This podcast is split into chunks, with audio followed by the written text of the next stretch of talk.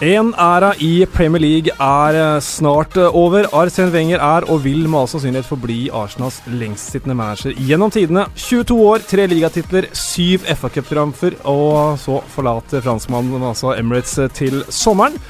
Hvor lurt er det å danse når du tar ledelsen mot Manchester United i en FA-cupkamp på Wembley? Mohammed Salah ble kåret til årets spiller i Premier League av kollegaene sine. Guardiola ikke overraskende uenig.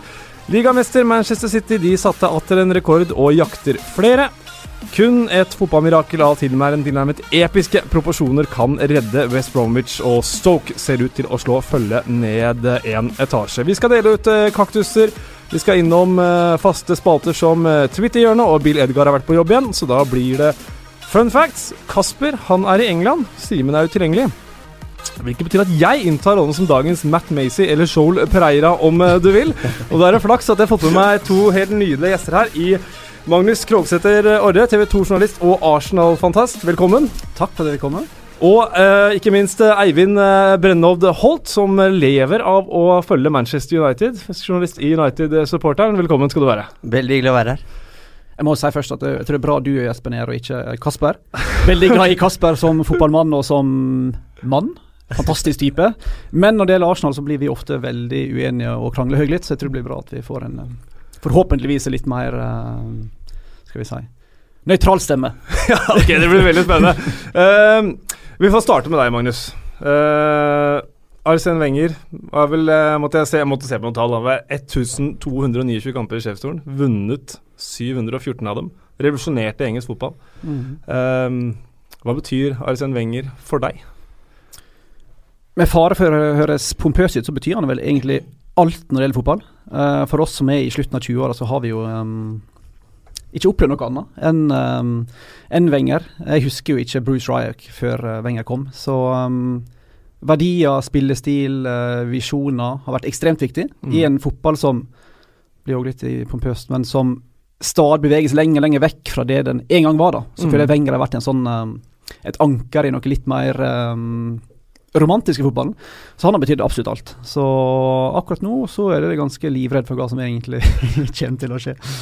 Det skal vi komme mer inn på, men da antar jeg at du har vært Wenger inn? Jeg har vært Wenger inn, og vært såpass Wenger inn at jeg har hatt en sånn Wenger in for life-variant. Så jeg syns det er dumt han gir seg. Jeg skulle gjerne hatt han videre. Uh, men tenker jo at hvis det er en så sta mann som Arsen Wenger sier at nå er det beste jeg går, da veit han sikkert hva han prater om. Noen vil si han fikk sparken, det er en annen diskusjon. Uh, jeg tipper han bestemte det sjøl. Uh, men jeg skulle gjerne hatt han uh, ti år til.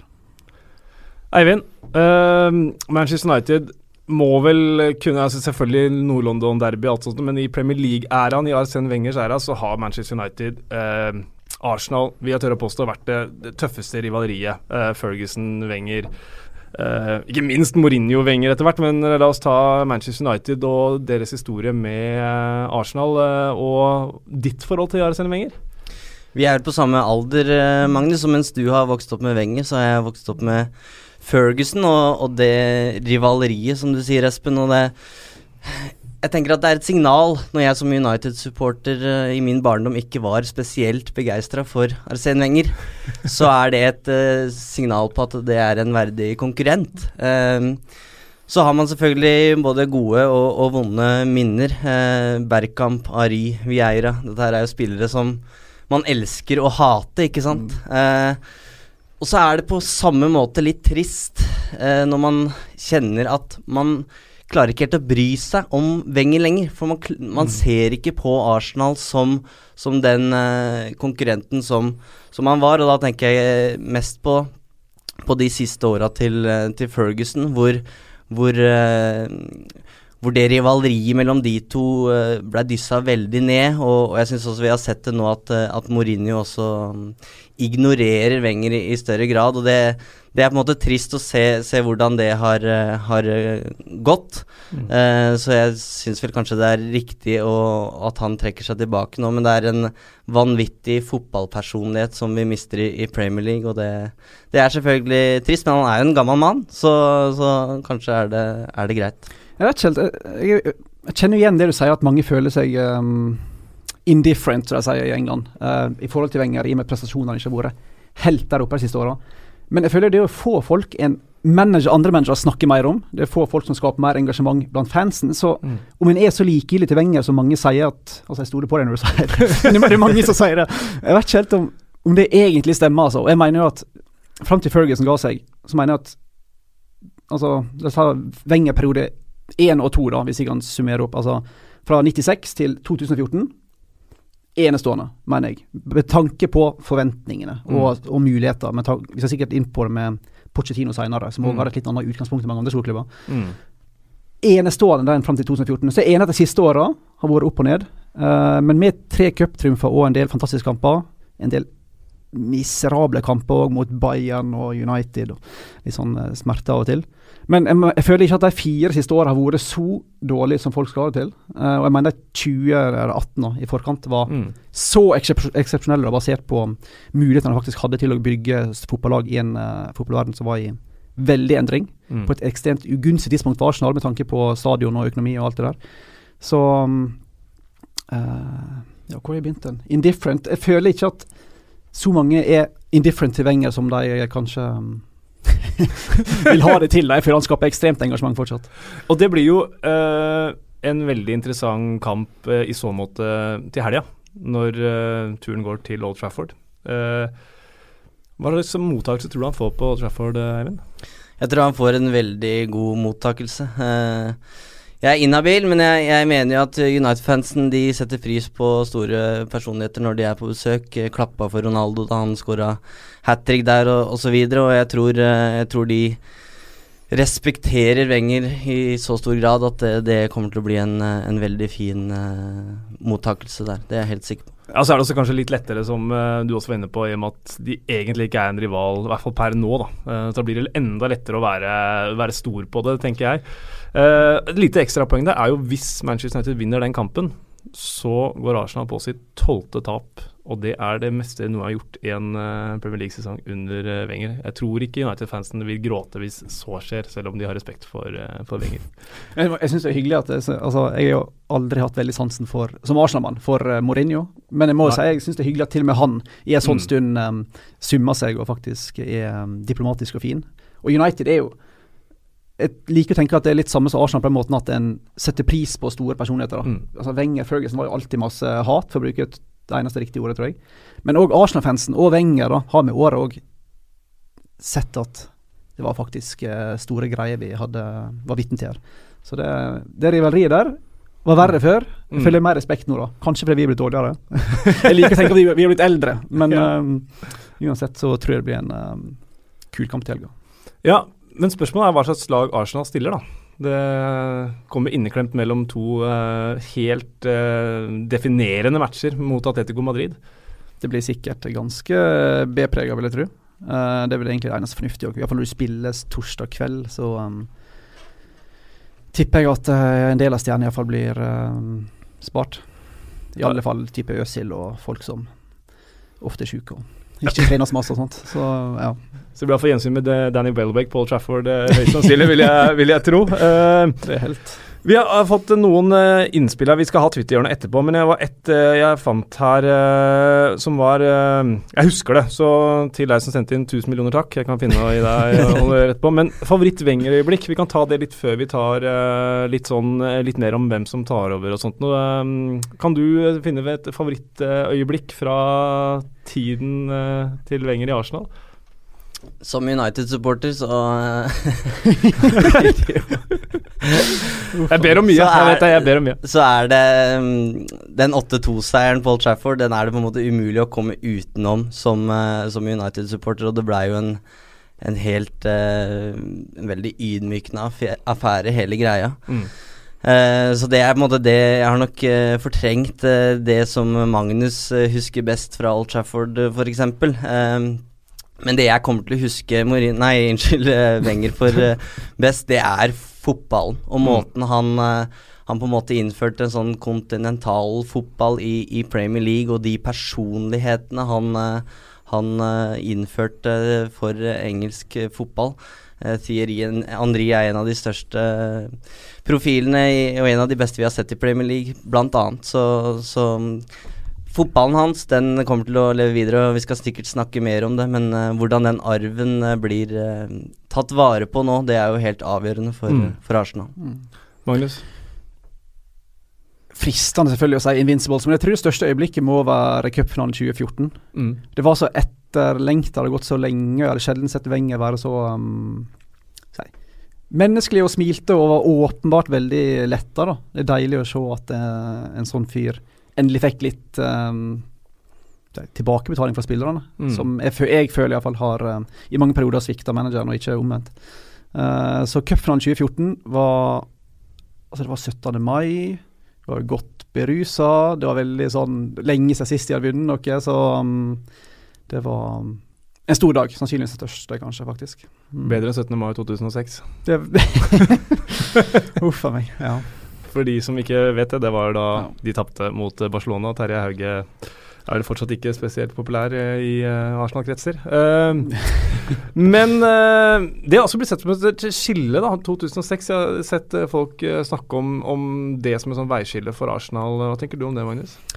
Jeg tenker at det på mange måter er riktig og litt sånn si, et uheldig skille, men et helt nødvendighet. Mm. hvis vi ser fra 2003-2004 til 2013-2014, da Øsil og du begynte å kunne kjøpe spillere ennå, mm.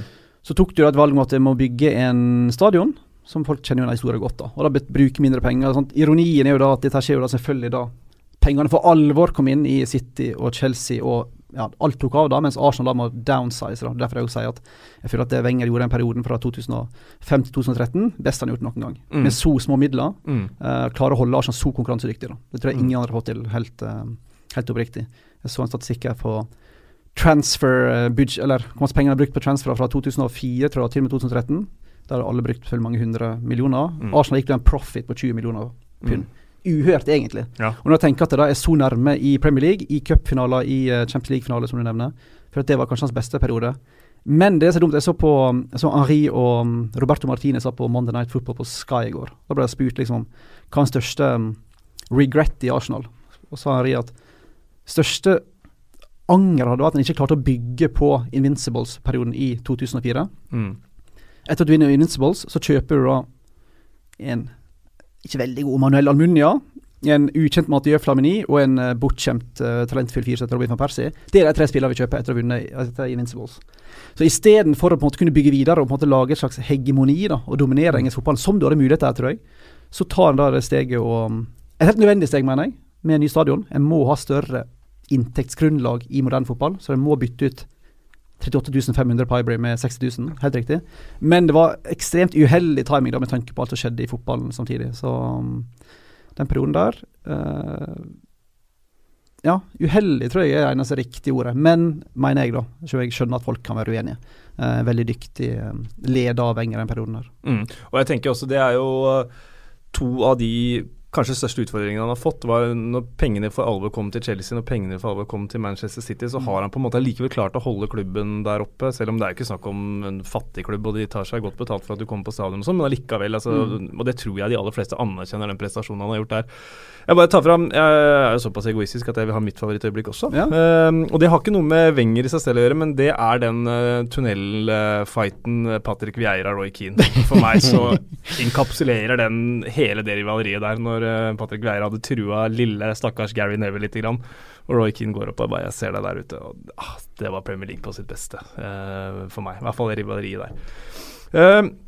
hvem skal ta over, da? Louis Henrique er eh, favoritt. Hva tenker du om det, Magnus? Eh, du skal få slippe det du også, Eivind. Jeg må bare ta Jeg tenker at Louis Henrique er, er, vanskelig å bestemme seg for, for min del i hvert fall. For Roma, ingen spesielt suksess. Uh, motsatt, egentlig. Ja, kan jeg eh, bare få skyte inn én ting der? Ja. Mm. Altså, uh, Jeg kommenterte italiensk fotball på den tida. Mm. Store forhåpninger til Luis Henrique når han kom inn, skulle bli tikki taka i Roma og sånt noe, men for meg så mista han det fullstendig. Det var vel på slutt på vårsesongen, Roma, Juventus-Roma. Juventus hadde avgjort kampen for lenge siden. På benken sitter Totti. Det er Del Piero siste sesong. Han gjør to, ett bytte, han gjør to bytter, han har ett bytte igjen. Og han gir ikke folket Totti mot Del Piero for en siste gang, så kunne fått bildene på ja, Fy flate, altså, da mista jeg det. Hvem var det jeg tok inn der isteden?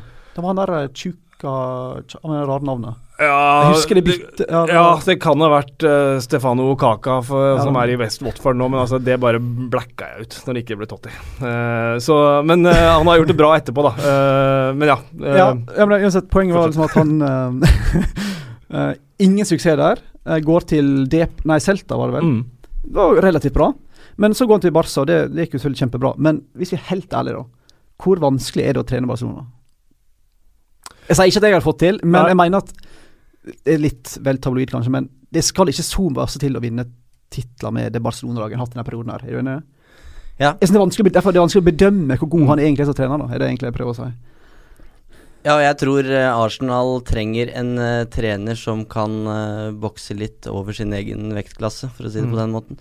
Og da lurer jeg også på om Luis Henrique er, er svaret, fordi man, man veit ikke. Det, det virker som en uh, stor risiko å ta, og da eh, tenker jeg en Diego Simione f.eks. er i hvert fall en, en mann jeg tror eh, vil kunne på en måte riste litt liv i det Arsenal-laget. Og jeg syns det er vanskelig å ikke sammenligne det da med da Ferguson gikk i, i 2013. Mm. Eh, jeg tror man kan si mye om det Arsenal har prestert de siste åra med, med Wenger, men jeg tror likevel han har fått mye ut av det laget. Det er mange gode spillere, spillere der nå, med Lacassette, og det er spennende med Aubameyang, Mkhitaryan-linken osv., men um, sånn Av de topp seks lagene i Premier League, så er ikke, de, eh, er ikke den stallen blant de beste. Så jeg tror, tror de trenger en manager som kan få uh, det beste ut av det laget. Og som du sier, Enrique, jeg er usikker på om, det, om han er en manager som, som klarer det. Eh, sammen med Carlo Ancelotti. Jeg er ikke helt overbevist om at det,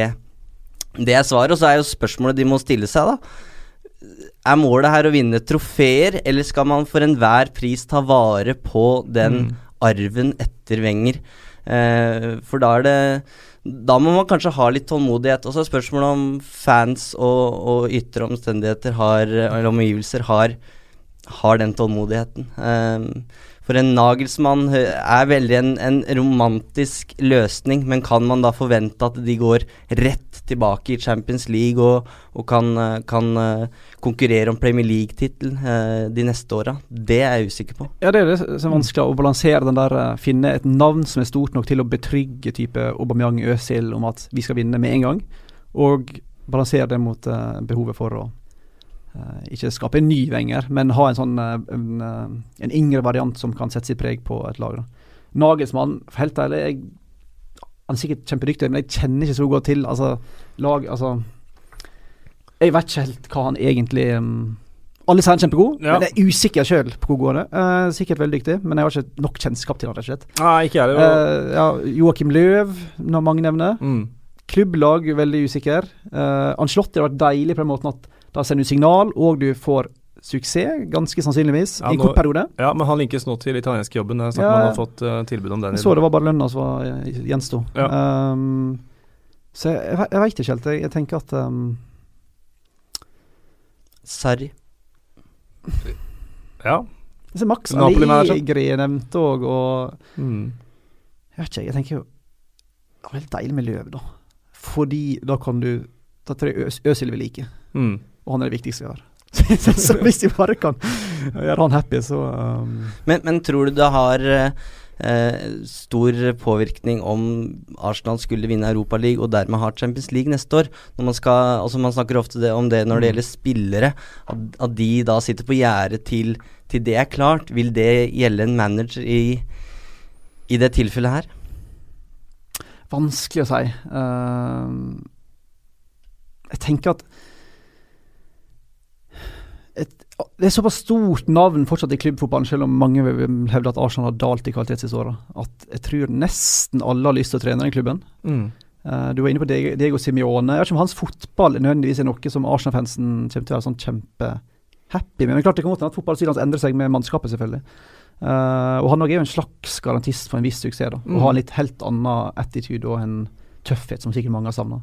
Ja, for jeg, jeg tenker jo det er jo Er det Skal de øh, spille det Arsene Way eller det Arsenal Way? Altså Arsenal Way har jo endret seg over tid. Eh, Simione vil kanskje være en hybrid mellom øh, det som var boring Arsenal og det som er eh, har vært uh, Wengers Arsenal. Da. Det er et godt poeng. Um, så Simione finnes absolutt verre, verre alternativ. Uh, men, ja, det vil jeg tørre påstå. men sånn fotballstilmessig så, så bryter en del ja. med Wenger-fotballen. Uh, klart det er for oss som er veldig opptatt av Wenger, så er det klart mm. det er jo sånn, ikke en kamel å svelge. i fall. Da blir det noe annet enn det vi har hatt tidligere. Uh, ser jo selvfølgelig alltid òg blir nevnt han der Dragan Stajkovic borte i ja, Kina. Men det, den, det, det, kan ikke skje, mm. tenker jeg. Altså, det intervjuet tror jeg Wenger ga i 2011-2012. Han sa ja, han er en fantastisk fyr. Fantastisk fotballspiller, det var han jo. Uh, jeg liker veldig godt, vi har samarbeida før. Men det har gått seks-sju år nå, og Stojkovic er fortsatt i Guangzhou? Eller ja, i Grampus? Det, det er ja. to lag i Guangzhou, Evergrande og Evergreen og det, ja. Så et, Stojkovic tror vi kan bare Jeg tror vi kan drepe med en gang. Mm. Det skjer ikke, altså. Jeg tror ikke Arsenal sin eiere tør å ta sjansen på en fyr som ikke har vært i europeisk fotball på en haug med år nå. Jeg tror uansett hvem som tar over, om det er Simione eller en Nagelsmann, så er det en ekstremt stor utfordring som venter. Fordi mm. selv om Arsenal mister ikke bare manageren sin, de mister en mann som har Uh, kasserer kassereren. ikke sant. Og man snakka igjen, for å sammenligne tilbake til Ferguson altså, Man kan på en måte ikke forberede seg på en sånn avgang. Eh, bare for å ta ett eksempel. altså Ferguson var jo reiseleder han når eh, United skulle til USA på sommerturné. ikke sant? Mm. Eh, og når, når, de da reiser over med, med Louis van Hall to år seinere, så står de plutselig fast i trafikken i Detroit og må vente i timevis, noe som da ødelegger hele humøret til, til van Gaal. Det er sånne små ting. Og blir det mm. nok av de små Uh, irritasjonsmomentene, så, så, ødelegger det helheten. da. Mm. Så jeg, nå har på en måte Arsenal gjort en del grep som ikke United gjorde, da, ved å ansette en sportsdirektør eller en fotballdirektør og, ja.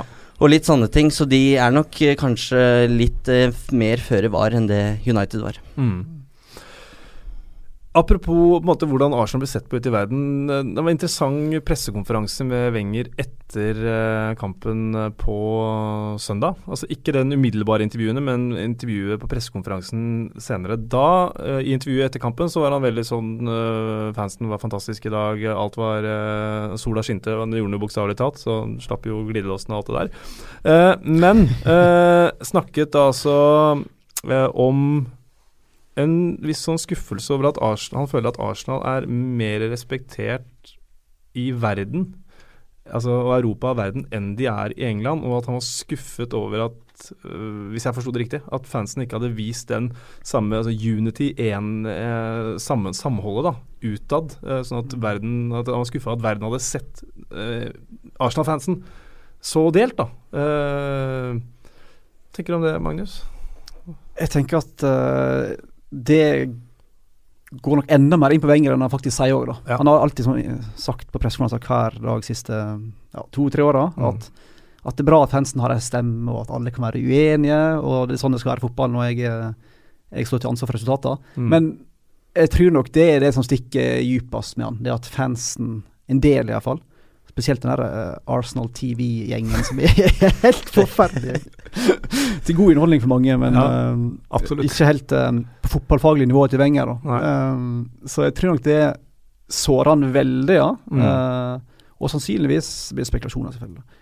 vesentlig grunn til at han Kanskje den største til at han faktisk mener at det er på tide å, mm. å gi seg. For det virker jo som om spillerne egentlig slutter opp om han. altså. Mm. Uh, umulig å si hva som skjer inni garderobene, selvfølgelig. men Eh, jeg tror nok den fansopprøret som har vært en del, tror jeg eh, var helt toneangivende for å ta i seg. Mm.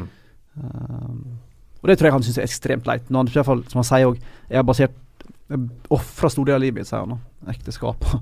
um, så det at han livsverket får en sånn, sånn sur slutt, det opplevde ikke Ferguson, sant? Nei. Dere, dere, dere slapp liksom den. Um, det tror jeg han kommer til å uh, føle på resten av livet sitt, egentlig.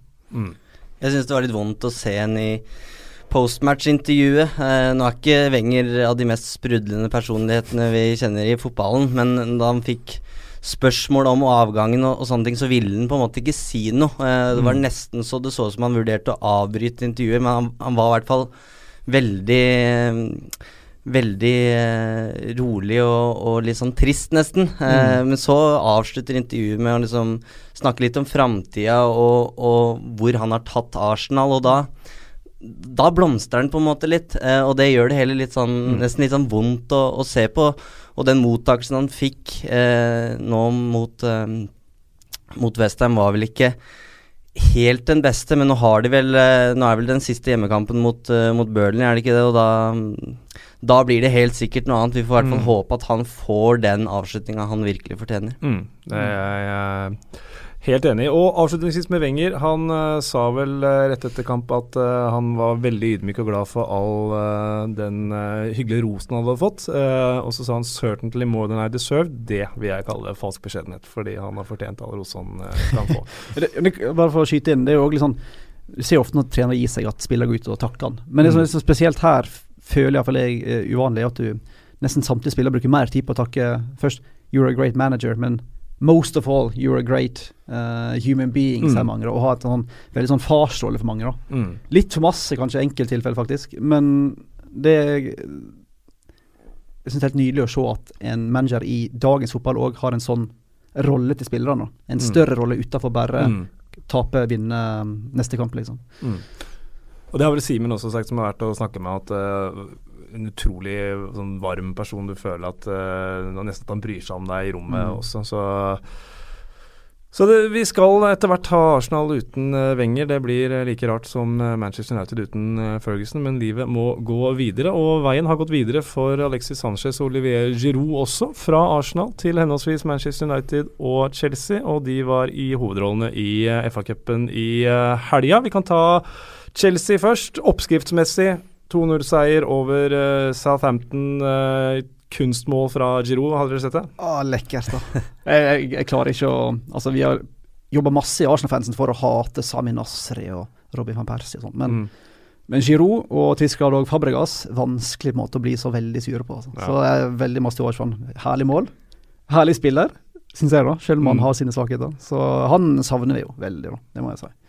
Han er um, en Arsenal-mann, tror jeg, på mange måter. Ja, det vil jeg tørre påstå. Og definitivt ikke en Southampton-mann. Han har vel eh, åtte mål på de siste ti mot dem eller noe nå, så Mark Hughes sitt eh, mareritt eh, der, altså. En eh, liten fotnote av spiller Cuveta med syvende målgivende pasningen til Morata. De har vært blåkopier, nesten alle skåringene, så da fikk vi den også.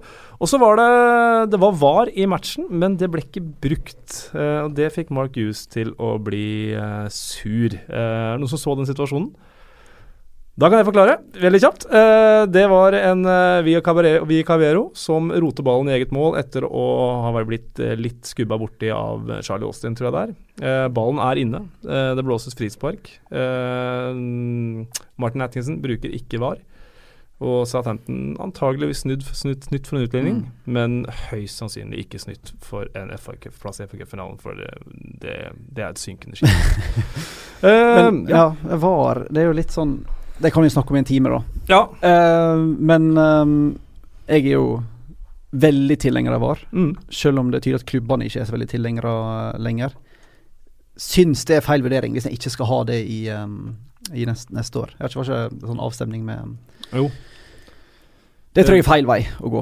Ja, skal du tenke? De, de er nødt til å rydde opp når det gjelder bruken av Ja, det det. klart. For det, det, det, det, nå, nå har det vært et kaos, og det, det, det er nesten ikke mulig å bruke det nå uten at det, det blir feil på en eller annen måte. Så de retningslinjene må, må jo bare spikres. Og så tenker jeg kanskje er det greit å bare bruke det på de største og mest avgjørende situasjonene først, og så får man heller på en måte innføre det gradvis etter hvert. Men det blir jo veldig spennende å se hvordan det her fungerer eh, videre.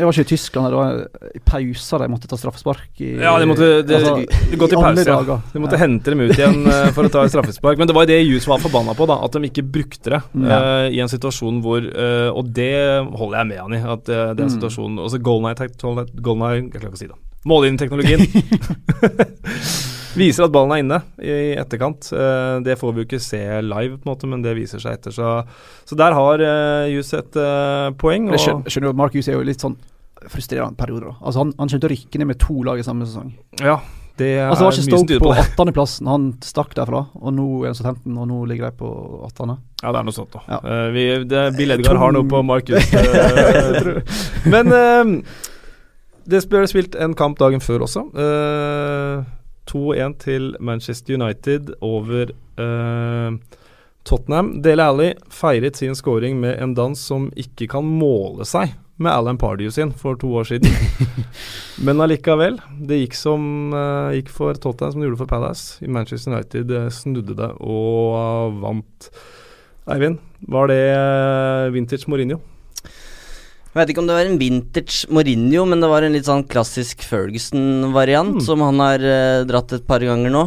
kommet tilbake etter å ha ligget under da mot eh, Chelsea og City, og nå Tottenham. Så det graver seg så, på en måte ut av gjørma når du egentlig minst skulle forvente det. Mm. Uh, for det Mourinho-laget, det er pressa nesten uansett åssen de presterer. Uh, og med en gang de har levert en god prestasjon, som hjemme mot Liverpool eller borte mot City, så følger de gjerne det opp med en fryktelig, eh, fryktelig forestilling. Uh, mm. De spilte jo da, eller tapte jo da mot West, uh, West Bromwich på hjemmebane, og kom jo under mot, mot, Tottenham, og da Jeg tror til og med de fleste United-supportere da tenker at nå skjer igjen det samme som, som skjedde på Wembley sist. Tottenham skåra jo tidlig, tidlig, da også, og United tapte fortjent.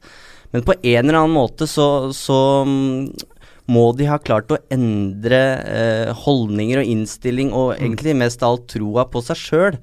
Eh, fordi de klarer å, å, snu den kampen. Og så er det nok en liten kombinasjon med Tottenham-lag som ikke er i sin beste form. De har en. Harry Kane som åpenbart er litt sånn halvskada. Um, men er, de viser karakter, og det er jo det Det er det Mourinho er ute etter. Han vil ha mm. spillerne som har uh, baller, som Phil, uh, Phil Jones har, har, sagt til mm. oss i et intervju. Eh, og, det, og, det, viser de, men, men, de er nødt til å vise det oftere, da. De kan ikke gjøre det annenhver gang. De kan ikke vente til ingen har troa på dem, for så å, å, slå tilbake, selv om det er veldig god underholdning. Uh, og så er det selvfølgelig mm, viktig for Mourinho, for United, at det er Pogba og Sanchez som igjen mm. er i hovedrollene. Uh, det er uh, fantastisk gjort av, av, Paul Pogba å vinne den ballen fra store, sterke Dembele og, og flott legg til, til Sanchez og en, og en, strålende heading. Så det, det var veldig viktig. Jeg tror et, synes etter det målet så Hele kampen svingte mye fram og tilbake, men bortsett fra det stangskuddet til, til Dyer, der United riktignok er heldig, så, så, har ikke de veldig mange sjanser. Så jeg, jeg syns det er helt greit at United tar seg til, til, den finalen, og selvfølgelig utrolig viktig for prosjektet Mourinho å mm. vise mm. progresjon. Bare for å dvele bitte litt med, med, Pogba. Han er jo nesten like omdiskutert som Wenger, egentlig. Ja. som United-supporter, hvordan vurderer du sesongen hans? Jeg syns jo han er en helt fantastisk fotballspiller, men som ofte ikke sliter med å sette, ta, ta, sette preg på kamper i 90 minutter. Mm. Jeg vet ikke hva du tenker. jeg jeg syns uh, det er ingen tvil om kvalitet, at kvalitetene til Pogba er fantastiske. Han har, han har det i seg å bli en av verdens beste, uh, men han sliter med å vise det på regelmessig basis. Og jeg syns også han li lider litt av et sånt Messi-syndrom. Altså Når han mottar ballen, så tenker han 'nå skal jeg uh, gjøre noe helt fantastisk'. Og mm. selv om det er på egen banehalvdel, og han kanskje drar av et par mann, så er det ikke veldig effektivt det, det, bidrar ikke til at United får sette i gang et angrep nødvendigvis. Han spiller ofte vanskeligere når han trenger, syns jeg. Ikke mm. sant. Mm. Og han uh, mister ofte ballen. Uh, og det har ført til flere baklengsmål i løpet av sesongen. Uh, og så er det noen som skylder på Pogba fordi han ikke følger Eriksen på 0-1, men det er jo egentlig Ashley Young som presser altfor høyt, ja, ja. Så, så, så, det er vanskelig å ta han for det. Men, men for meg så handler det om at han, han svinger for mye i, i prestasjonene, og du kan godt snakke om at uh, han ikke kan brukes i en 4-2-3-1, at han må spille i en treer, men Mourinho har prøvd det flere ganger. Han har, han har satt opp en treer, mm. han med Matic og Herrera og Pogba. Han har prøvd med, med McTominay også. Uh, og selv om det kanskje fungerer bedre, så har det vist at det betyr ikke automatisk at Pogba stråler og United vinner eh, mot svakere motstand. Så det, det, er på en måte ikke bare å trykke på en knapp. Det er komplisert, og jeg tror mm, forholdet til Mourinho skal jo ha blitt dårligere eh, i løpet av sesongen, og det har helt sikkert en, en innvirkning eh, i tillegg. Uh, så er det noen som snakker om at Pogba må spille i en, i en tier, men for meg så handler Altså, Paul Pogba, 24 år, har vært verdens dyreste fotballspiller. For meg så ligger en del av ansvaret på han, og i et Mourinho-lag så er så er det en brikke. Han er en kjempeviktig brikke, kanskje den viktigste. Og det er åpenbart at United må få han til å fungere hvis de skal ha sjanse til å, å, å, å, vinne Premier League igjen med Mourinho. Eh, men ansvaret ligger også på Paul Pogba. Det er ikke, mm. det er ikke bare Mourinho. Eh, holdningen hans òg? Jeg ser Gary Neville ofte ut med sånn her uh, YouTube-stikk um, her og der og Ja, altså det han gjør utafor banen, det klarer ikke jeg helt å, å bry meg så veldig mye om. Hva han legger ut på Instagram og sånn, det får han på en måte gjøre.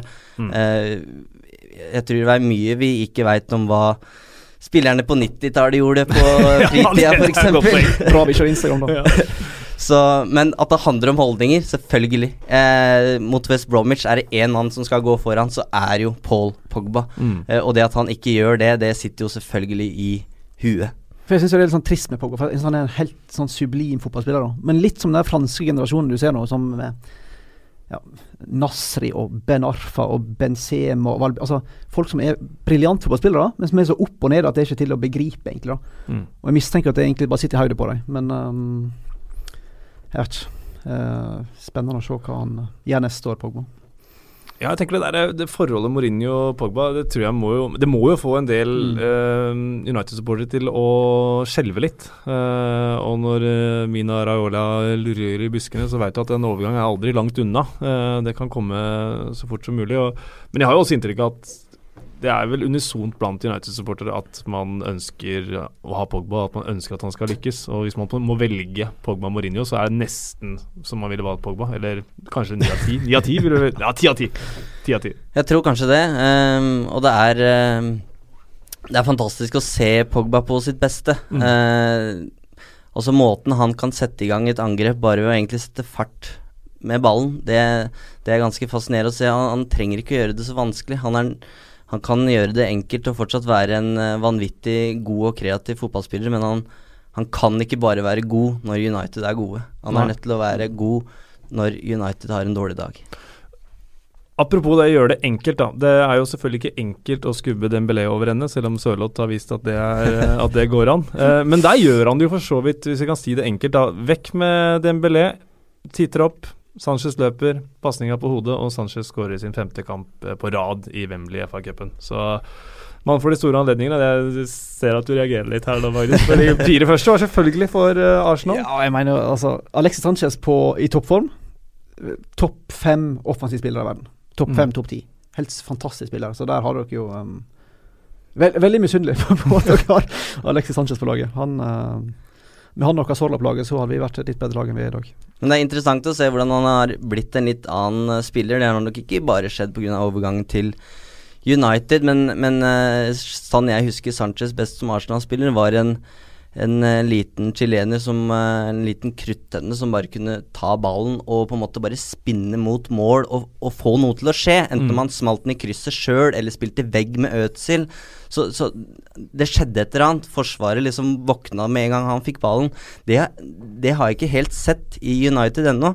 Ja. Det er nesten litt mer en sånn David Silva-variant hvor han uh, veldig opptatt av å chippe ballen inn til Lukaku. Den prøver åpenbart å dyrke den linken der, og han, han ligger mer og, og sveiper utafor 16-meteren og, og, strør litt. Grann. Mm. Så det blir spennende å se. Han er jo 29 år, så det kan hende at han er nødt til å tilpasse spillestilen sin litt, men eh, han, eh, han, har uh, levert nå mot City og, og mot Swansea og, og, nå mot Tottenham, så han har begynt å komme i gang nå.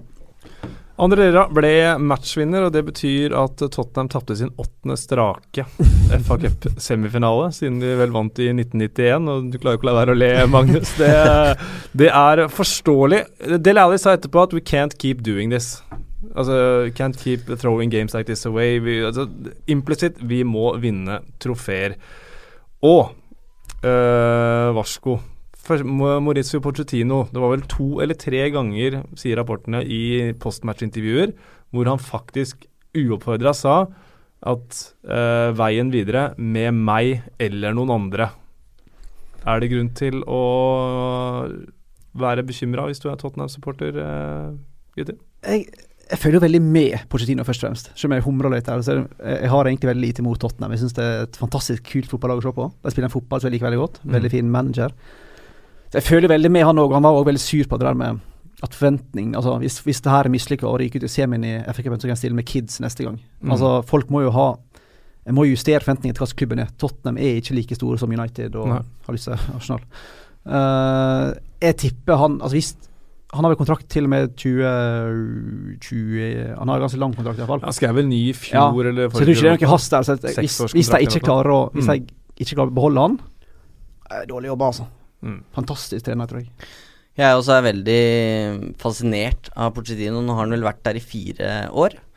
Uh, og det han har fått til der, det syns jeg er uh, imponerende. Og så er det jo vanskelig tid da i Premier League. Altså det er seks storlag, og det betyr at det er i prinsippet fem tapere, da. Mm. Uh, nå er det FA Cup-finalen han ikke tok seg til, og det er litt sånn klassisk Tottenham-scenario blitt. At det, det, det er nesten. Når de på en måte ser målstreken, så snubler de på et eller annet vis. Mm. Og det er selvfølgelig kjempesynd, men jeg, jeg klarer ikke helt å ikke være litt begeistra på Tottenhams vegne, fordi Mm. det de bygger er så spennende. Jeg veit ikke hva de mangler nå, fordi jeg syns egentlig de har en relativt brei tropp. Mm. Uh, men de mangla kanskje mot United, så, så mangla de kanskje en som kunne komme inn og være den jokeren, da. Mm. Eh, og, og litt sånn uheldig nå med, med Kane og sånn som, som har vært skada, men eh, man trengte kanskje noen andre enn Jorente, liksom, som kunne Mm. kommet inn fra benken. En, en kreativ eh, mann som kunne satt i gang et eller annet når de andre var, var litt ferdig. Eh, og så er det jo en litt spesiell sesong. Eh, det var mye snakk om det Wembley-spøkelset som de kvitta seg med Mm. utover høsten. Eh, men jeg tror Pochettino har lyst til å være med på den reisa videre. Og, og jeg syns det er veldig rart hvis han forlater Tottenham året før de skal inn på nye White Hart Lane. Så jeg Mm. føler meg ganske sikker på at han blir med, med dit. Men på et eller annet tidspunkt så må Tottenham vinne et trofé. Eller så mister de en av de eh, Men du må ikke bli for utålmodig heller, da, føler jeg. Altså, de har tatt så ekstreme steg at hvis de blir utålmodige nå, og går i sånn eh, Newcastle-felle der de kvitter seg med Robbie Robson Altså, de har tatt vanvittig store steg, mener jeg. da Om de ikke vinner De vinner ingenting i år eller neste år, det er null problem. Altså, de, kom, de er så stabilt gode over flere år med så mange unge, gode spillere. bre- Brei tropp, er det det? At her er det jo bare å gi mannen ja, enda en kontrakt. Ja, altså jeg tror ikke Altså Hvis Pochettino går, så er det ikke fordi Tottenham kvitter seg med han. Det er aldri i verden. Eh, hvis Pochettino går, så er det fordi eh, Skal til Arsenal. ja, det, det gjør han ikke, for han nekter å snakke med Barcelona bare fordi han har vært i Spanjol. Så det skjer ikke. Uh, jeg tror ikke han går til en annen klubb i England, men jeg vil jo tro at det sitter en med han United-supporter som godt kunne tenkt seg Pochettino i sjefsstolen på Old Trafford. Eh, og hvis du tar spiller for spiller, da. Eh, jeg så kampen sammen med en haug med Tottenham-supportere, og vi lekte litt med det å sette opp den beste elveren. eh, og selv Tottenham-supporterne. Det var sterk overvekt av Tottenham-spillere i den kombinerte, selv om det er en fjollete øvelse, ja. Mm. Men så sier det likevel noe om hvor langt Tottenham har kommet, da. Uh, Harry Kane han kom ikke så langt i den matchen, og det syns FA var kjempegøy. Så de uh, laget en uh, tweet med en eh, Chris Malling eh, 'Hva har du i lomma?' og så en gif hvor han sier 'Harry Kane'. Mm. Det ble dårlig mottatt. Eh, Chris Malling selv han likte den tweeten. Gjør han det? Ja. Men jeg må jo få lov til å kødde litt med Kane etter den der eh, Ja, men fotballforbundet! fadesen Men, av men fotballforbundet! Det er ledestjerna deres, det er håpet deres i, eh, i VM, og så kødder du med han. Det, Det er vel, det er vel timinga, er det ikke det? Jo, det òg. Mye eh, som handler om eh, Altså det, det er ikke sikkert Smalling er lagkamerat eh, med Kane i VM. Jeg veit ikke om han blir med, Men, Ja, men bør han det? Det er, det er også interessant. Bør Smalling til VM? Ja, ja. Ja, for han ble Ja, veldig sans for ja, for Gareth Southgate avskilta jo Smalling eh, rundt juletider. Bare 'du skal ikke til VM'. Og så har Stones havna på benken, og så har James Tarkovsky vært god, men eh, er han VM-stopper for England? Harry Maguire er en annen en. Altså, Maguire, det går ikke. nei, Phil Jones har jo vært god. Altså Jeg har veldig han sans for Harry Maguire. Jeg har veldig sans for Harry Maguire. Har du det? Ja, ja, ja. Jeg føler det mangler en del der, altså. Ja ja, det er klart. Men eh, jeg er veldig, veldig veldig, veldig sans for ham. Tror jeg er min favoritt-midtstopper i Premier League. Oi, Ja. Basert på Nei, basert, Mye basert på det YouTube-klippet hvor han eh, feier to mann over under second touches a tackle, men også bare den opp-offen. Jeg syns han uh, bare spiller blir stil, glad, spiller blir Ja, glad i når, han, liksom, når Silva kom inn i hullet i fjor og liksom han begynte å blomstre. da Um, Men Smalling til, på fly til Russland, du mener ja, Magnus? Ja, han har jo et eh, annet format, han, da. ja, ja. ja. Eh, klart han har ikke hatt sin beste sesong, men eh, jeg har alltid hatt veldig sansen for han. Så mm, ja, u ja, absolutt, ja. Ja, han bør, han bør absolutt være med, eh, men det var, det var rar eh, Det var litt rart, fordi han har vært på landslaget i alle år, egentlig. Vært Mm. en av de faste United-innslaga, både gjennom Moyes og, og van Gaal. Mens eh, når han nå hadde vært god en stund under- Mourinho, så ble han vraka. ja. Eh, så det er jo snodig, og en del andre som fikk sjansen. Det, Mm. det kan jo ha vært en, eh, en sånn test på hvordan reagerer du på å bli vraka, og Mm. hvordan gjør de andre det. Men eh, Chris Smalling eh, bør absolutt være med i Englands VM-tropp, eh, syns jeg. Og så får vi se hvem som starter bak der, da. Ja, for det, det er jo Hvilke konkurrenter har vi? Har nevnt noen. Så har du Gary Cale, som har en veldig traurig sesong bak seg i uh, Chelsea. John Stones har vel en veldig høy stjerne i England. Ja, Ja ja men ikke hos Guardiola, og da for øyeblikket. Og da er jo det også en eh, utfordring. Tenker eh, jeg. Vi må kanskje forlate Wembley for nå. Det er jo en Premier League-pod. Mohammed Salah kåret til beste spiller i Premier League. Eh, Guardiola mente selvfølgelig det var De Brøne. Dere skal få fem kjappe etterpå, så trenger ikke å svare på det nå. Men uh, Mohammed Salah har nå 40 målinvolveringer, 31 skåringer. Uh, er det, Fins det noen ord igjen som ikke er sagt? Nei, Nei. eh, det det er vel vanskelig. Det er vel 50% av alle måla som Liverpool har skåra i Premier League, og det er for en toppklubb, så jeg Det er bare å det er bare å booke, holdt jeg på å si, og takke for, eh, for Det sitter du der og sier, Eivind! Og takke eh, Oi, oi, oi. Men vi er jo vi, Fotball handler om underholdning, og Ja. det er eh, det som er litt artig, syns jeg, med, med den Premier League-sesongen her, da. Eh, vi snakka om eh, om eh, Lacassette, ikke sant, og, og Morata og spissene med Lukaku osv. Eh, og så er det Salah som, som blir den store eh, Mm. historien. Og det er det jeg syns er litt eh, eh, Det som, ja, for å bruke det ordet igjen, da, er litt sånn eh, vakkert da med Mm. akkurat den Salah-greia, er at det går an å være en slags underdog i dagens fotball, og på en måte komme, komme litt uh, bakkant. Eh, så jeg syns det er eh, fortjent at Salah får den prisen. Altså, jeg er litt, det er mange som er overraska over hvor god han er, åpenbart. Mm. For sånn som jeg husker han i Chelsea, så var han veldig sånn, litt sånn egoistisk ofte, syns jeg, i avslutningsøyeblikket. Og litt sånn veldig uferdig spiller, åpenbart god. Og så har han vært i Roma har vært bra. Nå har jeg ikke sett Roma så veldig masse siste året, så jeg skal ikke late som jeg veit hvor god han faktisk var der. Men at han har satt så ekstreme steg, det har jeg aldri noen gang sett for meg. Helt fantastisk fotballspiller. Selv om jeg mener at Kevin De Bruyne skulle hatt den. Skal vi utdype, eller skal vi ta det seinere? Nei, du, du trenger ikke å utdype, men da vet vi svaret på ett av fem kjappe for deg, eh, Marius. Men jeg har også lyst til å bare trekke fram Salah uh, til min periode når jeg kommenterte italiensk fotball. Mm. Da Han kom jo til Fiorentina den siste sesongen hvor jeg gjorde det. Han satte umiddelbart fyr på det laget der. Han uh, skåra en haug med mål, var involvert i alt. Det var som å se han i Liverpool, på en måte. Altså, skåra på Juventus Stadium. Altså, det er et veldig veldig sånn tøft rivaleri mellom Fiorentina og Juventus. Og Fiorentina var aldri i nærheten, så kom Salah, så var de plutselig det. Altså. Så uh, selvfølgelig er det overraskende at han gjør det så bra, men eh, at han er en fantastisk spiller, det er det ingenting å, å si på, selvfølgelig. 31 mål, tangert Luis Suárez da, og i samme slengen Ronaldo, altså Cristiano og Alan Shearer. Eh, Det er vel eh, tre mål opp til eh, Andy Cole, som skåra 34 mål i sin første Premier League-sesong. det det, ah, loser vel litt at Salah skal ta den, med mindre, da. Det er Champions League nå. Blir han spart mot Stoke til helgen? Jeg tror ja. Det burde han vel bli òg. Men nei, jeg tror ikke ja. Fordi han Nei, jeg er uenig med meg sjøl.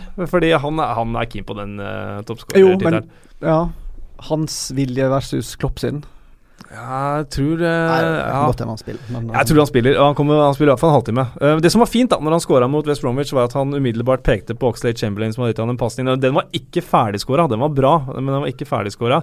Uh, så selv om på en måte kanskje han uh, blitt litt uh, bitte litt høyere på seg sjøl utover våren, eh, så viser han i hvert fall Takk til Oxlade Chamberlain. Uh, det var jo en kamp som endte 2-2. Danny Ings skåret sitt første mål på 930 dager uh, når han sendte Liverpool i føringen. Uh, han skulle også hatt et straffespark. West Bromwich kom tilbake til 2-2. Det er ikke nok til å redde plassen, men de har altså nå tatt fire poeng mot Manchester United og Liverpool. Too little, too late er det for Darren Moore og West Bromwich, selvfølgelig. etterpå var Klopp surpomp. Tørr bane. Hva tenker vi om det? Noe må man si. ja, det kan jo være det. Nei, men altså, det, det, er jo imponerende det West Bromwich plutselig henter fram uh, på, på, tampen her, men det er jo som du sier, Espen, det er, det er for seint, uh, antageligvis. Og så er det jo to dødballmål, da. Mm. Uh, og det første målet ligner jo litt på det de skåra mot, mot, United, ja. så Men nei, for Liverpool så er det jo litt faretruende med, med, disse dødball Eller baklengs på dødball. Mm. Roma har vel skåra 15 på, på, dødball denne sesongen her, så det kan jo være angrepsvåpenet deres i, i den semifinalen. Så mm. Jeg føler litt med Liverpool-fansen òg, altså, de er jo selvfølgelig mye bedre enn Arsenal gjør. Men jeg kjenner igjen litt den der frykta som vi hadde veldig mange år. Der du kan lede 4-0, men likevel risikerer å tape kampen. Mm. Der, slippe inn to mål mot West Brom. Altså, ikke sånn kjempeoverraska. For Liverpool er så altså, vanvittig høyt høyest nivå, mm. og så kan det bare ramle sammen som et korthus igjen. Så jeg er veldig spent på den der eh, kampen mot Roma. Det tror jeg kan bli hva som helst. Egentlig. Ja, jeg er ikke så sikker på om de skal være så glad for at det ble nettopp Roma. Ja. Det, det selvfølgelig Bayern, Real Madrid regnes vel som eh, større, eller bedre lag. Men uh, Manchester City regnes vel ganske sikkert opp i den kategorien også, og de Liverpool feider dem ut. Så det blir meget uh, spennende oppgjør, det. Vi må videre til uh, Etihad, hvor Manchester City viste at foten den er behørig tilbake på pedalen med 5-0 over Swansea. jeg sa innledningsvis at de satte en ny rekord. De var det første laget siden målingene startet i 2003-2004 som prøvde på over 1000 pasninger i en kamp. 1015. Lykkes med 942 av dem. Og for å sette det i perspektiv, Phil Foden kom inn eh, 19 minutter før slutt. Han hadde alene flere pasninger enn Swansea i hele matchen. Nei, tar vel også sikkert eh, Chelsea sin rekord. Chelsea hadde vel 95, var det? Ja, poeng. og apropos det, de har jo rekorder i jakte. De mm. har nå 90 poeng. De har uh, fire kamper igjen, og kampprogrammet er Westham borte, Huddersfield, Brighton hjemme, Southampton borte. De trenger ti poeng for å nå 100 som det første laget noensinne. De trenger seks poeng for å ta Chelseas rekord.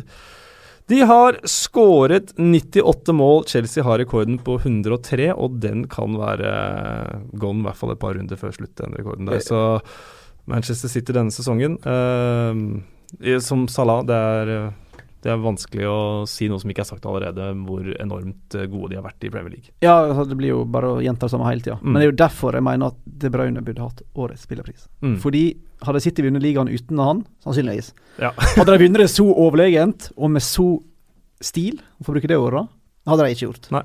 Han fant altså, helt sånn sublim fotballspiller som uh, har et blikk og en, en skuddfot, som vi så nå uh, mm. på 3-0-målet. Herregud, for et tilslag. Ja.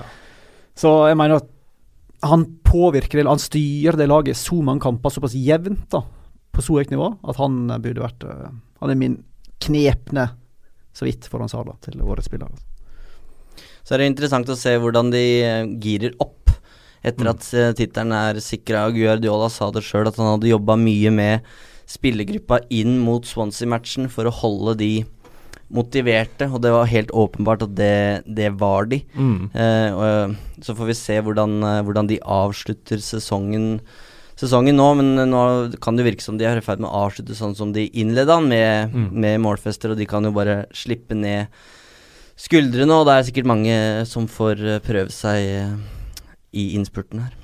Ja, altså tenker jeg Ofte så har det vært sånn uh, Sett det med noen United-årganger. Når ligaen er sikra, så går de på et par blemmer. Du hadde Eller blemmer og blemmer, du kan ikke kalle det det når du har vunnet ligaen, men den siste kampen til Ferguson var 5-5 mot West Bromwich og, og sånt og Det er helt uh, gale, Mathias.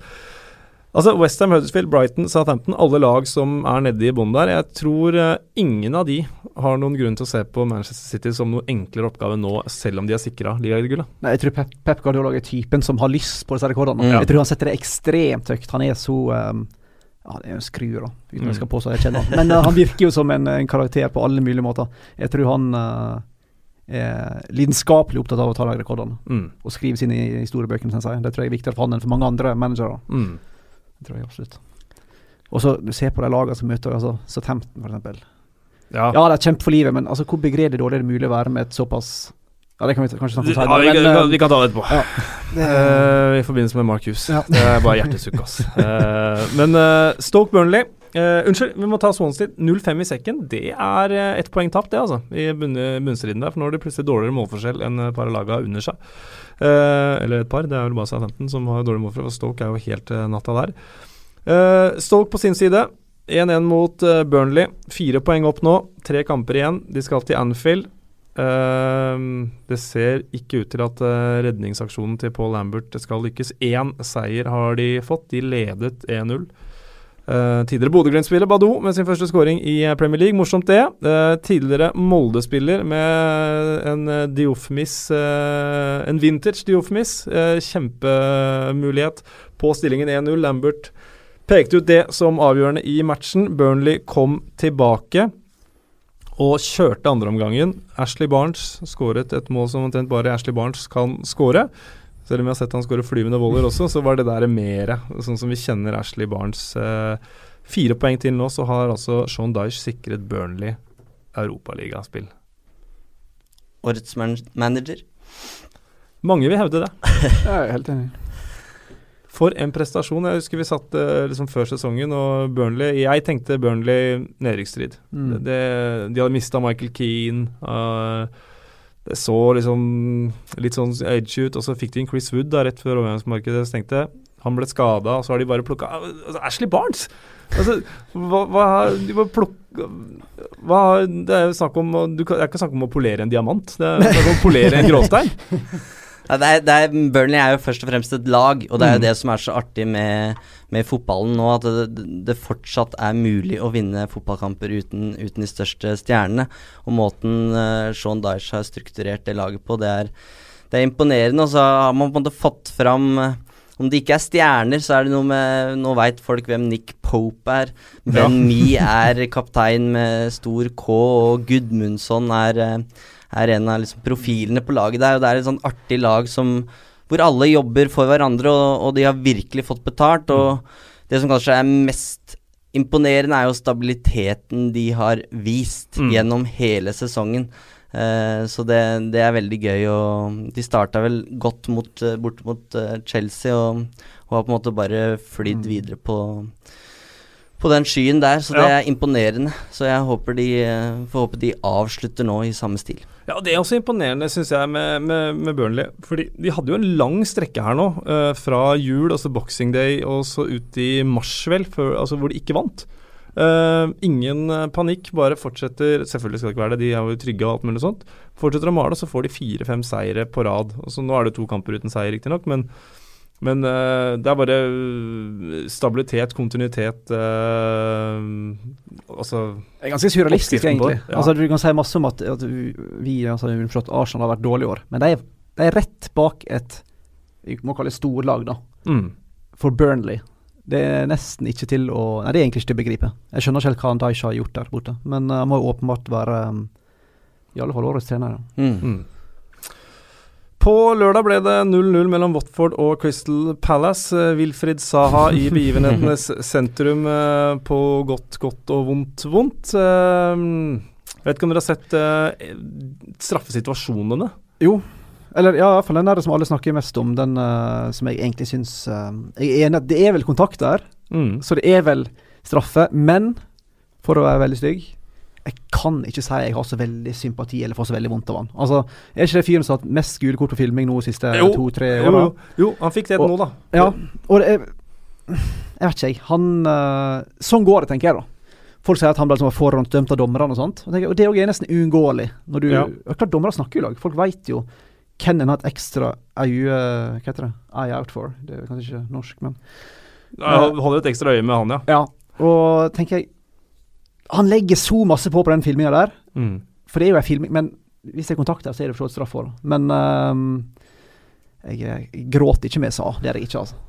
Nei, jeg er enig. Eh, I rettferdighetens navn så skulle jo selvfølgelig laget fått et straffespark, men du skaper på en måte ditt eget uh, rykte og gjør deg en bjørnetjeneste når du, når du filmer, og det Jeg syns det er så rart at de gjør det også. De veit at det blir plukka opp i, i etterkant, uh, og at det kommer til å skade deres omdømme. Så jeg, jeg skjønner det bare ikke at folk eh, fortsatt, eh, fortsatt gjør det. At jeg ikke føler den skammen på det. da at, jeg, at jeg ikke tenker at alle ser ut her om to minutter, og så ser jeg ganske dum ut. At jeg ikke føler på den. Det har jeg aldri skjønt med disse her, skal jeg si, kroniske filmerne, uten at Ja. er ikke aller verst i bransjen. Men uh, Så prøvde de å gjøre tiltak her. Altså Man skulle straffes for å filme hvis dommeren ikke så det. Så var det Ja. vel om det var to eller tre kampers utestengelse. Uh, og det har vel Jeg lurer på om det har skjedd én gang i løpet av, av sesongen, og så har det på en måte bare falt bort. Så mm, man må på en måte gjennomføre de tiltakene man gjør for å kvitte seg med filming. Da. Mm, Omar Nias var vel det. Det var vel faktisk Stemmer. mot Crystal Palace også. Uh, han fikk en retrospektiv uh, utestengelse der.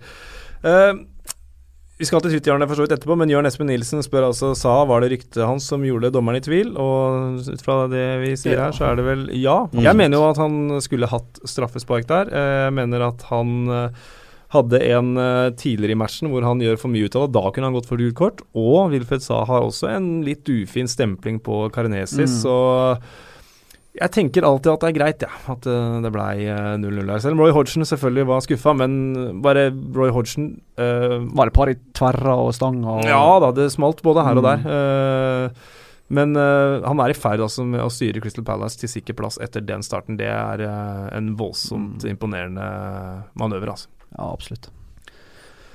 Tipper de klarer seg, det må de gjøre. Ja, det Mm. ser, det ser unektelig eh, sånn ut nå. Um, kamp i eh, går hadde vi også. Everton mot Newcastle endte 1-0. Um, ikke all verden å eh, skrive hjem om, med all respekt for alle som er glad i de to klubbene der. Uh, Sam Allardyce uh, fikk jo uh, Eierne i Everton de ville ha fansen til å sette en vurdering på Sam Allardyce på en skala fra 1 til 10. Uh, Allardyce ga seg selv 11.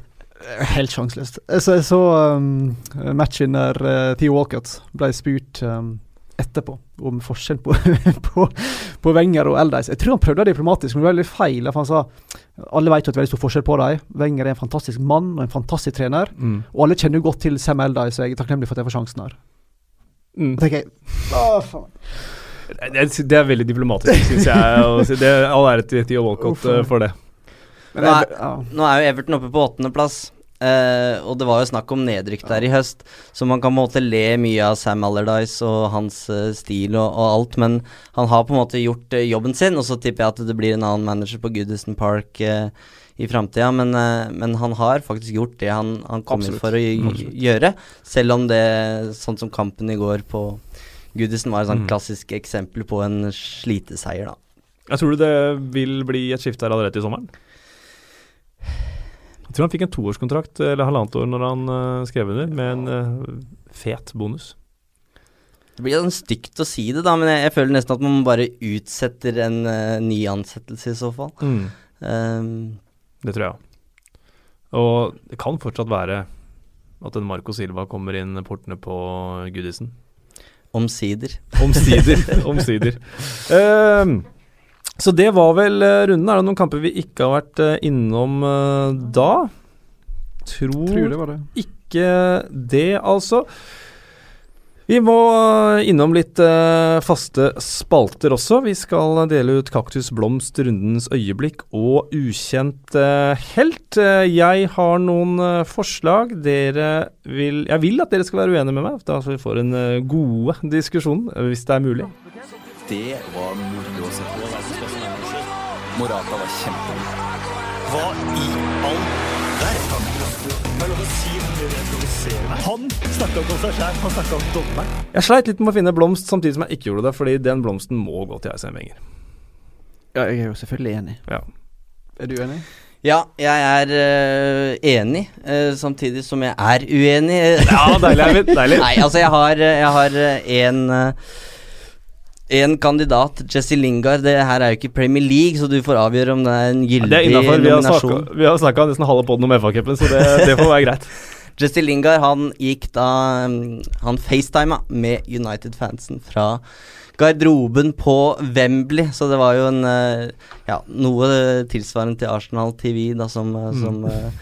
hadde en sending utenfor Wembley, og fikk da Jesse Lingard med på um, på FaceTime, og han sang med på, på United-sanger, så ja, en liten Om ikke en stor blomsterbukett, så en liten kvast til Jesse Lingard. Det Jo, men Kan vi si plass. altså vi blomsten til Lingard, og så sier vi øyeblikket til Altså Ja. øyeblikket som, som sådan i helhet til Wenger.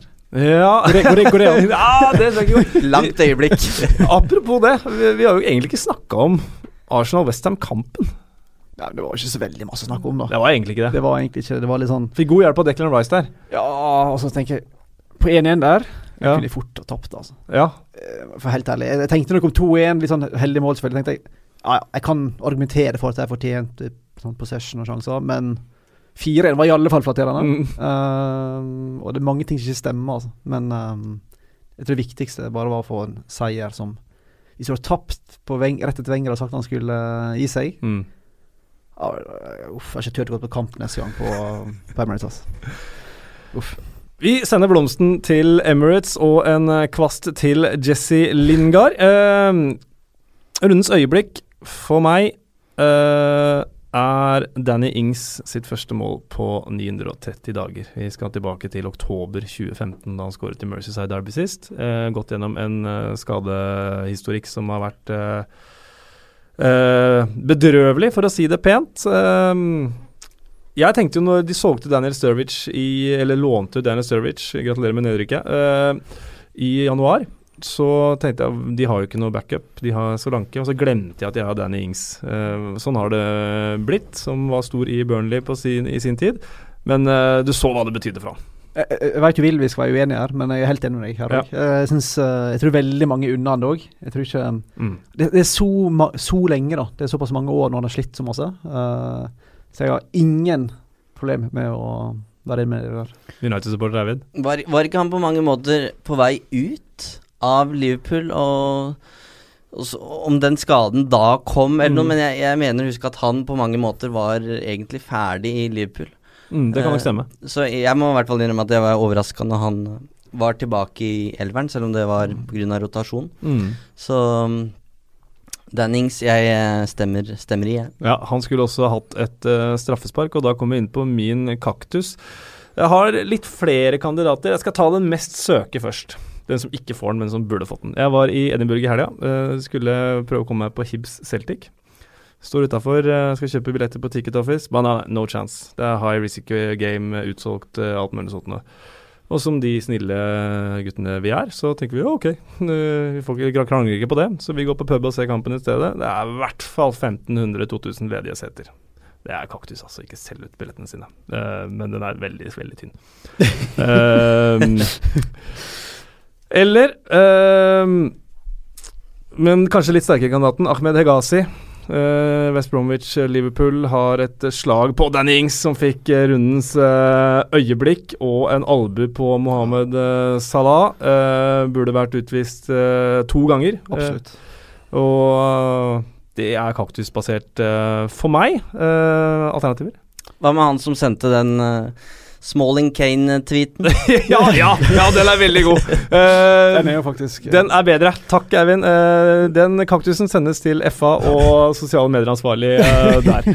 Eh, ukjent helt. Uh, nå ser jeg notatene mine. Her er jeg litt blank, altså. For nå har vi kommet så langt i sesongen at alle er på en måte kjente. Altså, det er vanskelig å finne, syns jeg, i hvert fall, i hvert fall den runden her, noen som som ikke får de helt store overskriftene. Det nærmeste jeg kommer, er kanskje Johan Berg Gudmundsson i Burnley, som var meget god i den andre omgangen, og drivkraften bak veldig mye av de skapte, og som kanskje i et lag som ofte blir snakket på som et lag. øh, har ekstremkvaliteter med venstrebeinet sitt og skårer også en del mål. Øh, så for meg er det en kandidat. Hva med en norsk robot? Oi, fortell! Stemmer det. På Everton Newcastle i, på mandag så, så var det en 14-åring som fikk være, ja, kall det virtuell maskot. Funksjonshemmede Jack McLinden, 14 år, som eh, var med gjennom en robot som Phil Jagielka bar rundt på mm, Ja, gjennom tunnelen og ut på banen, eh, som da var rigga opp med kamera og mikrofon. Så han lå hjemme i senga, eh, funksjonshemmet, og fikk da oppleve det her og kommuniserte med spillerne i eh, i tunnelen, blant annet. Jeg veit ikke hva den roboten gjør eh, som ikke en mobiltelefon kan gjøre, men eh, han fikk i hvert fall være med, så det, det var jo en ukjent helt, og det er da en, norsk utvikler som har, har laget disse robotene. Godt innspill, da. Ja, det stemmer jeg i, i og med at jeg var eh, på syltynn is, egentlig. Så norsk robot får definitivt rundens ukjente helt. Kasper er i England, men eh, hans lange arm har strukket seg helt til Norge, og med det Bill Edgars eh, fun fact, så vi skal lese opp et par eh, derfra det blir Arsenal her, eh, Magnus. Arsenals syv siste. Aldri skjedd! Første gang siden er den sjette spilleren. Fun factsene til Bill Edgar. Arsenal har skåret minst tre mål i seks strake hjemmekamper for første gang siden oktober 1958. Da var eh, Wenger åtte år gammel. Oi. Det er jo sånn ok. Og så kommer en uh, French connection her for uh, Wenger. Wengers siste kamp kan bli mot et fransk lag, Marseille, i en fransk by, Lyon. Og for å opprettholde den franske forbindelsen, så har Arsenal under Wenger hatt mer enn dobbelt så mange mål skåret av franske spillere, 686, enn noen annen nasjonalitet. Neste på lista er engelskmenn på 329. Den er kul. Den er litt fin. Og så kommer en dyp en. De ti, de ti beste mennene og syv beste kvinnene i søndagens London Marathon var alle født eller hadde røtter fra nordøstafrikanske land, som Kenya, Etiopia, Eritrea og Somalia.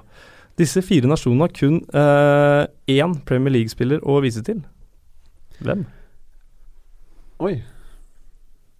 Jeg fulgte mest med Arsenal-fan Mo Farah der. Det gikk jo ikke sånn kjempebra. Nei, Uh, men men han er eh, en han spilleren spiller på et lag du er programforplikta til ikke like. Ok. Um, Victor Wanyama, Kenya. Wanyama, ja. Mm. Til sammenligning, de fire vestafrikanske landene Nigeria, Senegal, Ghana og Elfenbenskysten har produsert 131. Skal vi nevne de, eller? Eh, nei, vi kan nøye oss med Badou, som skåret sitt første Premier League-mål. eh, senegaleseren eh, der. West Bromwich er ubeseiret i sine fem kamper med midlertidig manager. Uh, Gary Megson hadde vel to avgjorte. Darren Moore har to avgjorte og en uh, seier. Uh, Megson hadde mot Tottenham. Darren Moore hadde mot uh, altså nå West Brom og Manchester United. Så kanskje de skal bare glemme å ansette en eh, manager neste sesong. Bare ha midlertidig. de tapte 18 av 30 med Pulis og Pardew. Eh, og så kommer vi til Mark Hughes. Når Southampton møter Bournemouth i helgen, vil Mark Hughes ta en rekord. Han vil bli den første til både spilt og vært manager i minimum 449 toppseriekamper. Uh, Sir Bobby Robson står på 40, eller 448 spilte og 786 som manager. Og når Mark Hughes ikke klarte å ta seg til cupfinalen, så er det fortsatt ingen walisisk manager som har vunnet et trofé. Eh, og Mark Hughes vil også nå rykke ned antageligvis med to klubber, hvis ikke det blir uh, en ordentlig eh, snuoperasjon der. Før vi tar Twitter-hjørnet, så må vi bare Vi har vært litt inne på det tidligere. Roma-Liverpool i Champions League uh, har vi vært Har vi nevnt. Det blir det er i kveld. Vi, her spilles inn på tirsdag. Eh,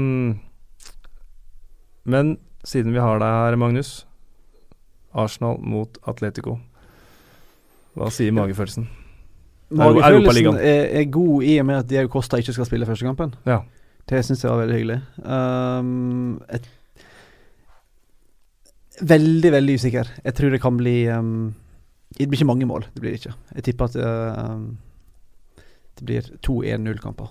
Uh, det er synd at vi ikke kan bruke um, Åba. I, uh, det er stort savn for Lacassette. Han skårer mål nå, men jeg er ikke veldig imponert, for helt ærlig. Uh, litt det jeg frykta før vi henta han, at han, han har vært snakk om i mange år, Lacassette, som Mm. en sånn der, ja, Han må til en større liga. Men jeg føler et eller annet som mangler. Han er iallfall i gang nå, da, så jeg vil håpe at han tar større steg. Men um, med Welbeck sin Skal vi si Ja, du ler jo nesten, sant. Det er jo, sånn- det er jo, han har jo en egen trend til å bomme på ballen, uh, bommer på luft Altså, han bommer på det meste, da. Mm. Før han plutselig, hørtes plutselig skrur ja, sånn. Plutselig skrur i krysset, da. Men jeg tenker bare at han er så opp og ned, og med Lacassette som ikke helt er helt der oppe, så Og Miktarian sannsynligvis ute. Offensivt jeg er redd det kan bli ganske uh, tamme greier, altså. Så jeg er ikke sånn superconfident før den kampen. Jeg er ikke. Eivind, du har ikke følelser i, så mye, i hvert fall. In, involvert, eller in, ja, involvert i dette her. Eh, Investert i det. Uh, hva tenker du? Nei, jeg kan ikke si jeg er mer optimistisk enn deg, i hvert fall, Magnus. Men eh, jeg tror eh, Arsenal hadde hatt bedre muligheter i en finale. I én kamp mot Atletico Madrid. Eh, ja, Arsenal er gode på På Emirates og ligger vel nesten på toppen på formtabellen i Premier League på hjemmebane. Men, Mm. men det å reise til Madrid og den, kall det heksegryta, da, for å bruke et utslitt Mm. uttrykk, Mm. det, det- blir så tøft, og Diego Simione er jo så god i de matchene her. De har jo Det jo dette de har vært gode på i, i Champions League. Um, og selv om de mangler Diego Costa, så er en, er en Grismann der som, eh, som, er, eh, som er god. Uh, så er vel ikke Atletico heller i vanvittig god form. Nei. Så det, det, det blir spennende det her. Men jeg, jeg tror over to kamper så tror jeg Arsenal trekker det korteste strået, mens de i en finale ville hatt bedre muligheter. Det er jeg dessverre litt enig i. Mm.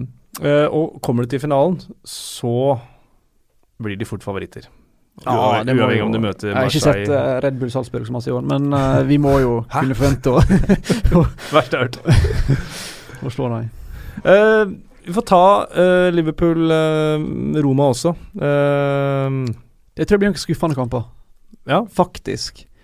Én ting er at det er to kullag som kan variere veldig. Burde være oppskrifta til kjempemorsomme kamper. 4-4 og Mm. whatever. Men så Champions League-semifinale ofte ganske trauste greier. Mm. Et Roma-lag som er veldig gode defensivt. Mm. Uh, men samtidig et Roma-lag som tapt taper ofte mot One Champions League. Tapte mot uh, Atletico Madrid, tapte mot Sjaktar, tapte Mm. mot Barca Så sist. borte. Så Men jeg ser for meg at det kan bli sånn 1-0-variant her òg, altså. Helt ærlig. Ja, semifinaler skal jo være åpne, og det syns jeg den her er også. Og historien her er jo selvfølgelig Salah som skal tilbake til, Mm. til Roma, og han eh, kommer jo helt sikkert til å score, men det kan fort bli flere mål. Mm. Så jeg er veldig spent på hvordan Roma tilnærmer seg den kampen, for det er flere måter å kneble det Liverpool lager Ja. på. Noen har lyktes med å angripe. Eh, West Bromwich nå på, på dødball.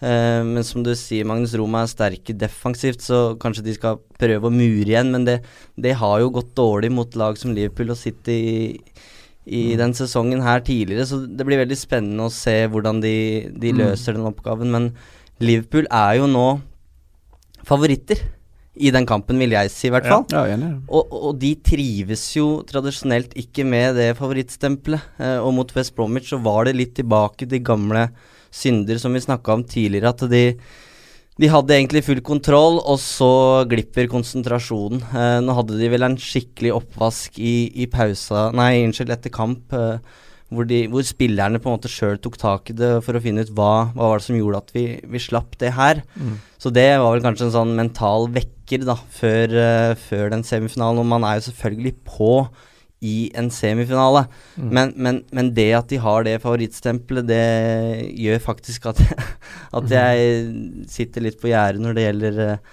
å, sende Liverpool til finalen allerede. Mm. Så så kom eh, vel hjemmekampen mot Barcelona. Da kom eh, Roma i sin eh, 1-3-5-2-formasjon. Jeg så bl.a.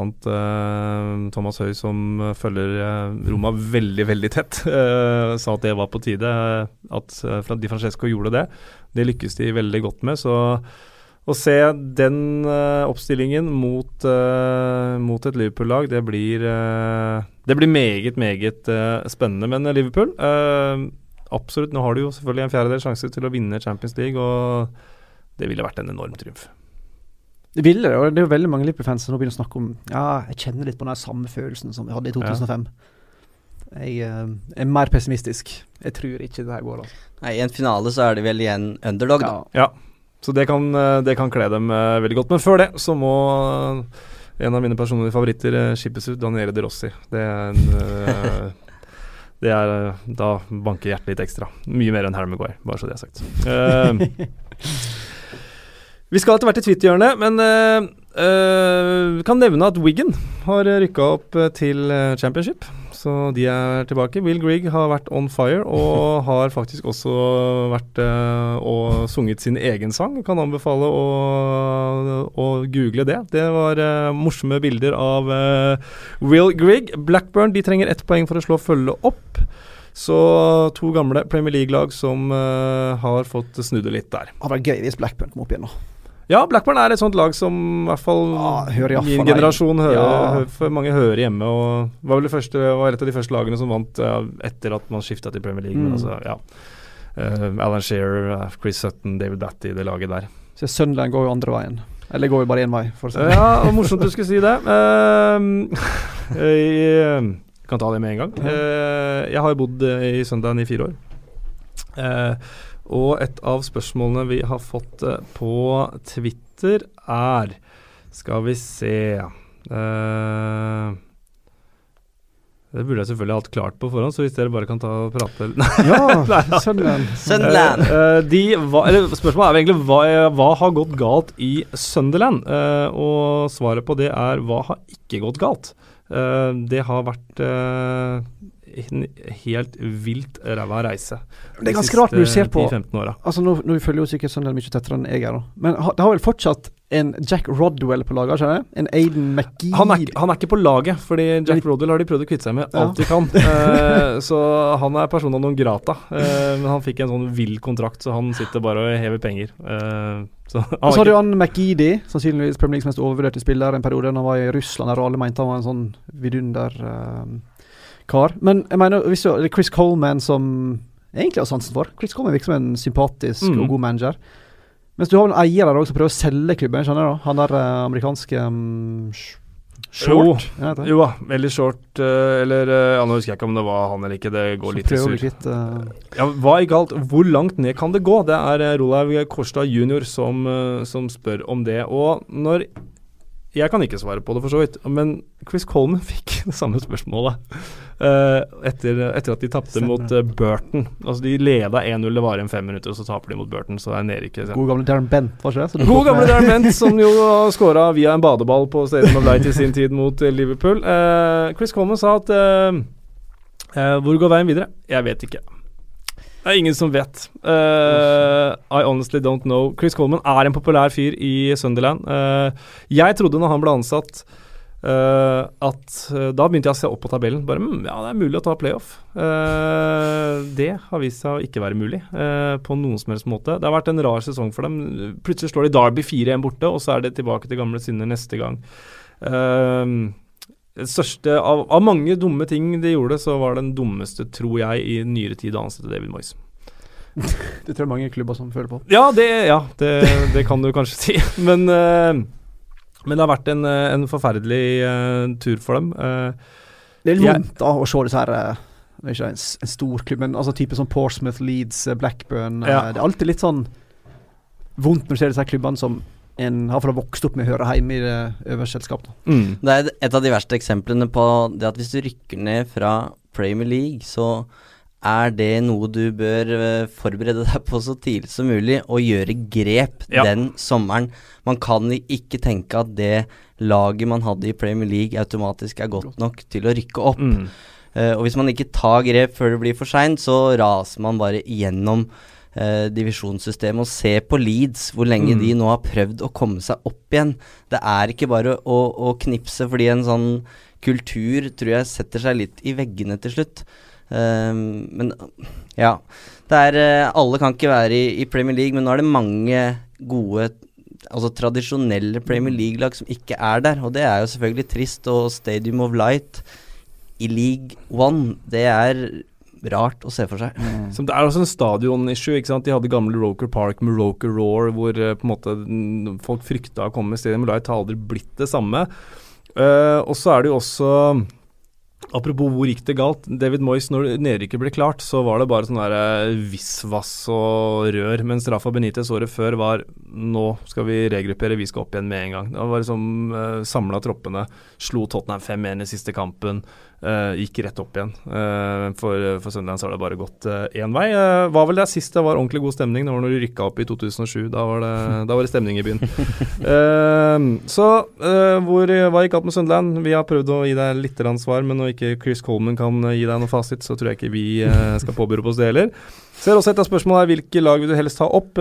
Da vil jeg anbefale å høre på forrige ukes pod. Chevy Morley Petter Myhre snakket uh, om det sammen med Kasper da, men kan jeg bare kjapt si at hvis jeg får velge, så rykker Fulham og Aston Villa opp sammen med Wolverhampton. Veldig enig i det. Uh, vi uh, nærmer jo oss Men ja, kanskje skal se om vi kan finne et spørsmål til på Twitter. Vi kan ta oss tid til det. Må vel snakke om Wenger, det har vi gjort. og så ser jeg at det er spørsmål om James Madison her. Det lar vi hvile. Det kan Kasper ta. Uh, han spiller for uh, en klubb i gult. Uh, hvordan var det å være kommentator på heimebane? jeg vet ikke om noen av dere har vært det. men det har ikke jeg. kanskje det spørsmålet det er vel Kasper? Kasper og Simen har vært det, så det spørsmålet får gå videre til neste runde. Veldig fin serie, forresten. Liker uh, Mikael Ellingsen og, og, gutta der. Jeg følger den uh, tett, jeg. Uh, skal vi se om vi har et spørsmål til her ja. Nei, når det blir så mye rør, så får vi bare kutte det ut. Vi tar fem kjappe til slutt, gutter. vinner Arsenal Europaligaen? Ja. Nei. Hvem overtar etter Wenger? Løv. Simione. Kommer Arsenal høyere enn sjetteplass på tabellen neste sesong? Ja, ja, ja. ja. ja. Årets spiller, Salah eller De Bruyne? De Bruyne. Salah. Hvem vinner FA-cupen? Chelsea. Manchester United. Da er vi straks ved veis ende, men før det må vi takke Moderne Media og Felix, som har uh, sittet uh, her. Uh, Felix, du pleier å få et spørsmål av Kasper. Jeg lar deg ikke slippe unna, jeg heller. Du var jo den eneste som tippa Liverpool videre i Champions League, så du kan jo kanskje gi oss fasiten på hvem som vinner Champions League?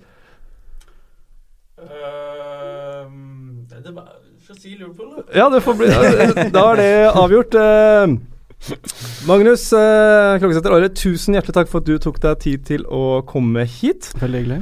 Eivind Brende Holt, eh, tusen takk. Lykke til med resten av sesongen. Til deg, lykke til deg òg, Magnus, for, all, for all del. Eh, men eh, ja, det er nok, å spille for begge steder. Eh, som vanlig, gå gjerne inn på iTunes, gi oss litt uh, rating der. Ikke bare litt, gjerne fem stjerner. Det setter vi uh, pris på. Uh, bruk hashtag 2plpod for tilbakemeldinger på denne poden og generelle innspill til Twitter-hjørnet. Den er ute på iTunes om litt og kommer etter hvert også på Spotify. Der pleier det å ta litt tid, men den kommer. Så med det så runder vi av og gleder oss til resten av sesongen. Hei og hå!